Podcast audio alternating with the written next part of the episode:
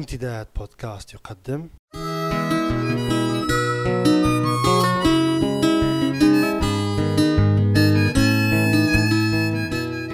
رسالة من لندن. مع جمعة بوكليب ضيف هذه الحلقة الدكتور جمعة عتيقة.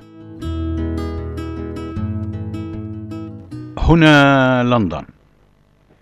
كانت دقات بيج بن تؤذن يوميا بحينونة موعد نشرة الظهيرة في إذاعة البي بي سي العربية. وكنت آنذاك في منتصف العقد الثاني من عمري.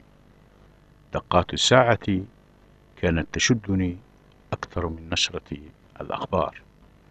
وكانت ترسم بإيقاعها الرتيب في خيالي الطري صورة للندن. من يكبرني سنا كانوا يستمعون باهتمام وتركيز للنشرة. ويبدون في الوقت ذاته شيئا من التذمر والرفض المشوب بعبارات الإدانة والتخوين لما تبته من سموم حسب تعبيره.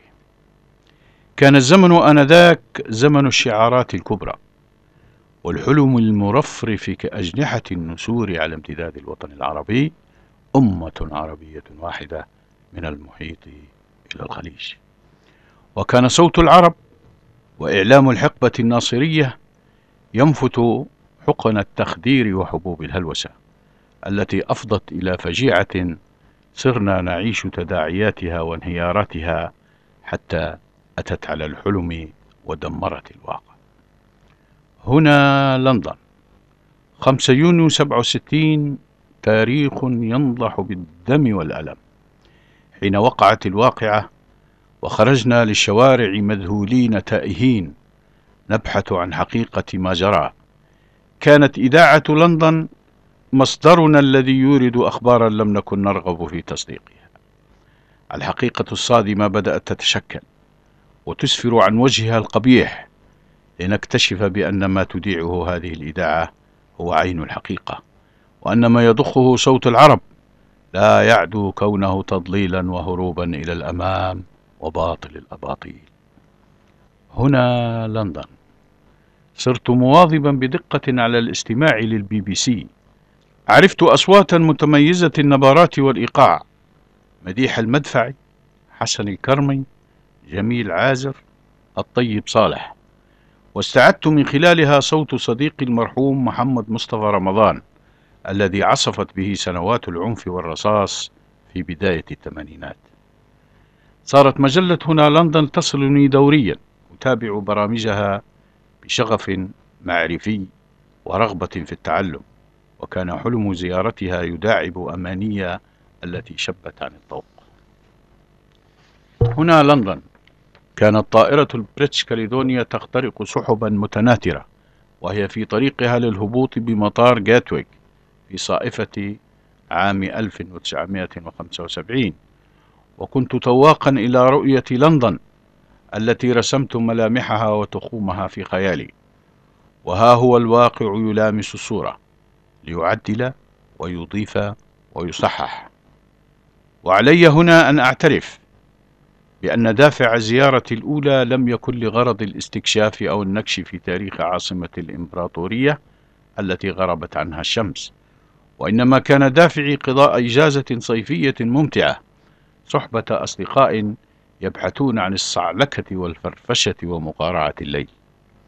لم تبهرني لندن ولم أعرف لماذا. أثار انتباه انتظام المرور وأحسست بأن الذين يقودون السيارات يقودونها بمسؤولية تامة باعتبارهم شركاء مع الآخرين في الطريق يعطونها حقها ويزيحون عنها الأذى. تكررت زياراتي بعد ذلك. وإن كانت أكثر اهتماما وبحثا عن عبقرية الشخصية والمكان. تجولت في لندن بمتعة متناهية وملأت جرابي بفاكهة أبا. فيها الثقافة والسياحة والتأمل وأشياء أخرى. ثم انقطعت عنها فترة طويلة بسبب ترحالي وظروفي الملتبسة التي طوحت بي بعيدا عن وطني ما بين دجلة والرباط وروما. إلى أن عدت إلى لندن مجددا.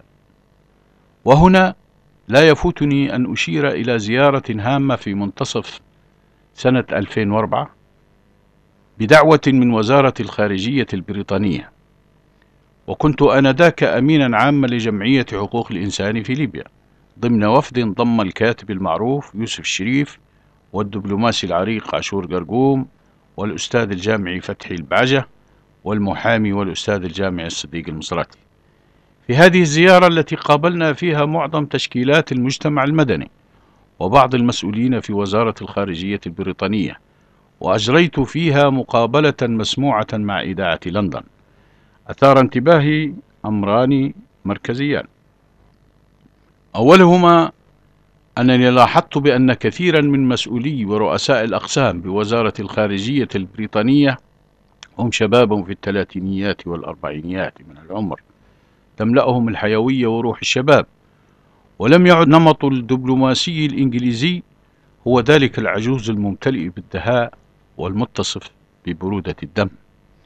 والملاحظة الثانية أننا علمنا أثناء زياراتنا لمكونات المجتمع المدني من جمعيات ومنظمات أنها تتلقى دعما من الدولة. وهنا كان السؤال وماذا عن الاستقلالية؟ وهي هاجسنا في الوطن العربي.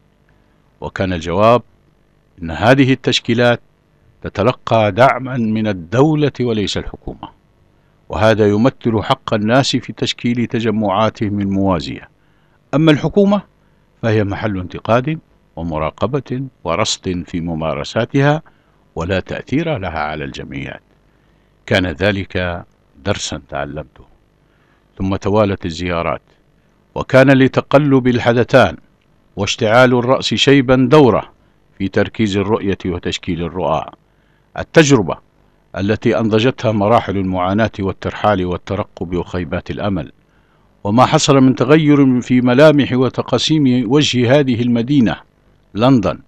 جعلني أشعر بأمان واطمئنان وأنا أرتاد شوارعها وحدائقها ومسارحها ومتاحفها وأهم من ذلك وأنا أدس خطواتي وسط هذا الحشد المتماوج والمتباين من خلق الله.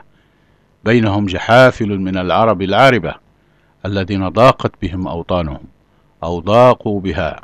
ووجدوا في حضن لندن دفئا غامرا ربما يداوون به غربتهم وربما عوضهم عن أوطانهم القابعة وراء الغيب. والسلام عليكم.